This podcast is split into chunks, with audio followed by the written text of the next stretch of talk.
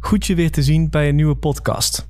Dit is de plek waar ik al mijn video's van het Rama Waar YouTube kanaal omzet naar podcastformaat, zodat jij ze kan beluisteren zonder een scherm nodig te hebben.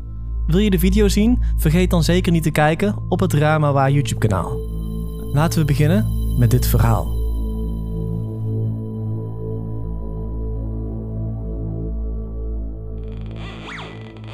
Ja, hier! Ik heb wat gevonden. Haal de meetapparatuur. En? Dit moet het zijn. Ik meet iets van 3 meter lang en 1 meter breed. Haal de graafmachine, dan kunnen we beginnen. Zo begon het. Die vreselijke avond. Maar twee van ons zouden die nacht thuiskomen. Wat er die avond gebeurde? Ik. Ik weet nog steeds niet of ik mijn eigen ogen kan geloven. Maar ik zie die gruwelijkheden van die nacht iedere keer levensecht voor me wanneer ik mijn ogen dicht doe. Wat ik je nu ga vertellen is echt gebeurd. Je moet me geloven. Zie je, ons dorp ligt vrij ver weg van de bewoonde wereld. We zijn omringd door bossen en de tijd lijkt hier al jaren stil te hebben gestaan. Iedereen woont hier dan ook vanwege de rust en natuur. Het is een mooi stukje Nederland, waar iedereen in harmonie met de omgeving leeft. Dit veranderde aan het begin van het jaar, toen er een groot bedrijf besloot een stuk van de grond te kopen waar het bos op stond. Deze moest plaatsmaken voor een groot distributiecentrum. En ongeveer 1200 bomen gingen er gekapt worden. Iets waar natuurlijk niemand het mee eens was. We protesteerden en voerden actie, maar het mocht niet baten. De gemeente had de vergunning al afgegeven. Een groot gedeelte van het bos zou gekapt gaan worden en er was niets wat wij konden doen. In de eerste maand dat de werklui bezig waren, begonnen er vreemde dingen te gebeuren op de bouwplaats. Het begon klein, met lampen die zomaar kapot sprongen in het holst van de nacht, machines die vernield of beschadigd zouden zijn. En natuurlijk kregen wij als inwoners van het dorp meteen de schuld. Wij hadden geprotesteerd, dus werd er gedacht dat wij verantwoordelijk waren voor de vernielingen. De politie was een paar keer langsgekomen om polshoogte te nemen in het dorp, maar er zou nooit iemand opgepakt worden. Het kappen van de bomen ging gestaag door, terwijl het dorp bestookt werd met brieven van het bouwbedrijf, waarin stond dat de beveiliging opgeschroefd ging worden op de bouwplaats en dat iedereen die het terrein zou betreden een hoge boete te wachten stond. Deze kwamen wekelijks binnen, tot het bouwbedrijf ineens stopte met het sturen van de brieven. Al snel ging het gerucht rond dat ze de daders gevonden hadden. Maar niets bleek minder waar. Een paar weken na het ophouden van de brieven gingen we met een aantal man polshoogte nemen bij de werkzaamheden. Eenmaal bij de bouwput aangekomen, zagen we tot onze verbazing dat deze compleet uitgestorven was. Het leek wel alsof iedereen hals over kop het terrein verlaten had. De deuren naar de containers die gebruikt werden als kantine en kantoor stonden zelfs nog open en de sleutels zaten nog in de graafmachines. Toen we deze beter gingen bekijken, zagen we aan de zijkanten van de graafmachines verschillende grote krassen. Alsof iemand met een metalen klauw zijn nagels in het ijzer van de graafmachine gezet had. Dat moet gebeurd zijn door die vandalen, dacht ik. Net toen we onszelf af begonnen te vragen waar we hier precies mee te maken hadden, werden we opgeschrikt door geritsel, wat uit de dichte begroeiing achter de graafmachine vandaan kwam. We hoorden hoe iets langzamerhand steeds dichterbij kwam. Ik en de mannen die met mij mee waren, pakten de scheppen en pikhouwers die we om ons heen zagen liggen, zodat we ons konden verdedigen tegen wat eraan zat te komen. Iedereen keek gespannen naar de bosjes. Toen er plots een hert uit de voorschijn kwam. Opgelucht lieten we onze wapens weer zakken, lachend om hoe bang we waren voor een hert. Het hert keek ons voor een lange tijd van top tot teen aan en verdween toen weer in de bossen. Achteraf gezien was het best bijzonder om te zien hoe dat hert zomaar naar de bouwputten naar ons toe liep. Normaal gesproken zijn ze best schuw en vermijden ze elk contact met mensen. Maar goed, nadat we de boel doorzocht hadden, probeerden we contact op te nemen met het bouwbedrijf. Maar toen we ze probeerden te bellen, was de lijn dood. We hebben toen alles maar achtergelaten zoals het was en zijn terug naar huis gelopen. Aan de rand van het bos werden we nog begroet door hetzelfde hert, wat naar ons staarde terwijl we langzaam het zandpad naar huis volgden. Sinds die dag begon alle ellende voor ons eens zo rustige dorpje. Het begon met een vreemd geschreeuw, wat iedere avond uit de bossen leek te komen. En niet snel daarna werden er krassen gevonden op auto's en huizen. Hetzelfde soort krassen als we gezien hadden in de bouwput. En toen, toen begonnen de verdwijningen. Eerst waren het loslopende katten en honden, die van de een op de andere dag van de aardbodem verdwenen. En in de buurt WhatsApp-groepen rapporteerden mensen dat er ineens een mist vanuit het bos kwam opzetten, waarin ze een gedaante gezien hadden. Het gedaante zou een man zijn van zo'n 2,5 meter hoog, met een zwarte hoed.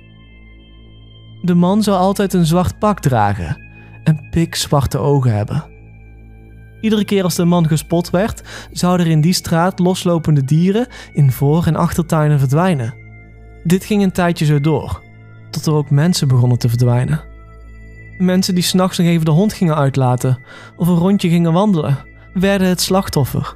Nadat ons eens zo rustige dorp opgeschrikt was door een tweede verdwijning, werd er een avondklok ingesteld. Niemand mocht meer na acht uur s'avonds zijn huis verlaten. En ondertussen werd overdag stad en land afgezocht naar de vermiste personen. Maar niemand werd ooit nog teruggevonden. Iedereen was in paniek. In eerste instantie werd gedacht dat dit gedaan werd door zure werknemers van het bouwbedrijf, als wraak voor de vernielingen, waar ze ons verantwoordelijk voor hielden. Maar echt mensen ontvoeren leek ons te ver gaan. De mist die altijd plotseling kwam opzetten en de man met de zwarte hoed riepen veel vragen op. En al snel ging het gerucht rond dat het ging om iets bovennatuurlijks. Iedereen nam dit in eerste instantie niet heel serieus, tot een van de oudste bewoners van het dorp vertelde dat dit niet de eerste keer was dat de man met de zwarte hoed gezien werd. Ze zei dat ze nog een klein meisje was toen er in de Tweede Wereldoorlog heftig in de omgeving gevochten werd. Op de plek waar nu gebouwd wordt, zou toen der tijd een tentenkamp gestaan hebben. De leidinggevende zou daar zijn mannen het bevel hebben gegeven om een greppel te graven, om zo vijandelijke tanks buiten te houden. Tijdens het graven stuitten de soldaten op een grote kist, die gemaakt was van een onbekend materiaal. Ze probeerden de kist uit de grond te trekken, maar deze bleek muurvast te zitten. Ook de kist openmaken leek niet te lukken. Op een gegeven moment werden zelfs explosieven ingezet, maar iedere keer zonder succes. Diezelfde avond dat de kist gevonden was, zou het hele bos bedekt zijn met een dikke deken van mist en werd de man met de zwarte hoed voor het eerst gezien. De volgende ochtend was er geen spoor meer van de soldaten te bekennen. Alle spullen die ze bij zich hadden waren achtergebleven. Tenten waren kapot gescheurd en spullen zouden vernield zijn, maar van de soldaten was niets overgebleven. Sinds die avond zou de man met de zwarte hoed regelmatig gezien zijn. Hij kwam altijd tevoorschijn wanneer het bos vernield zou worden, om wraak te nemen op degene die zich hier schuldig aan maakte. De ouders van de oude vrouw zouden hem de god van het woud genoemd hebben en verhalen vertellen over hoe de god van het woud en zijn dienaren achter haar aan zouden komen als ze s'nachts alleen in het bos was. Diezelfde middag vertelde ik dit verhaal aan de mannen die met mij mee waren gegaan naar de bouwput. We moesten er hard om lachen. Het was waarschijnlijk gewoon een sprookje wat haar ouders haar wijs hadden gemaakt, zodat ze s'nachts niet alleen het bos in zou gaan. Maar ons ongeloof was niet van lange duur. Diezelfde avond werd de man met de zwarte hoed weer gezien. Rond tien uur werd het dorp opgeschrikt door dat duivelse geschreeuw. En de rest van de avond werd het ijzig stil.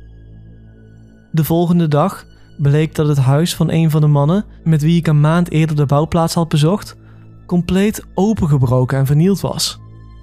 Van zijn deur was letterlijk niets meer over, alsof er een auto door naar binnen was gereden. Hij was samen met zijn hele gezin compleet van de aardbodem verdwenen. In tegenstelling tot de andere verdwijningen waren deze keer duidelijke sporen gevonden. Modderige schoenafdrukken van een schoenmaat die wel zeker een halve meter groot was. Naast de reusachtige schoenafdrukken waren flink stel onherkenbare sporen gevonden. Ze leken van één of meerdere dieren. Maar het was iets wat ik nog nooit gezien had. Diezelfde dag nog volgde ik met dezelfde groep mannen als eerst de modderige sporen. Niet geheel tot onze verbazing liepen deze naar het bos en kwamen ze uit bij de verlaten bouwput. Eenmaal daar aangekomen keken we nog eens goed om ons heen. De grond leek meer omgewoeld dan eerst, alsof iemand iets uitgegraven had en het vervolgens weer geprobeerd had te bedekken. Met het verhaal van de oude dame nog in ons achterhoofd gingen we terug naar onze huizen om metaaldetectoren en scheppen te halen.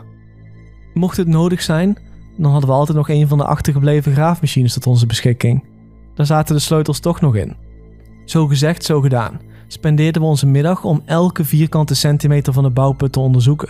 Hopend dat we een nieuwe aanwijzing, of misschien wel de lichamen van de vermiste mensen en dieren gingen vinden.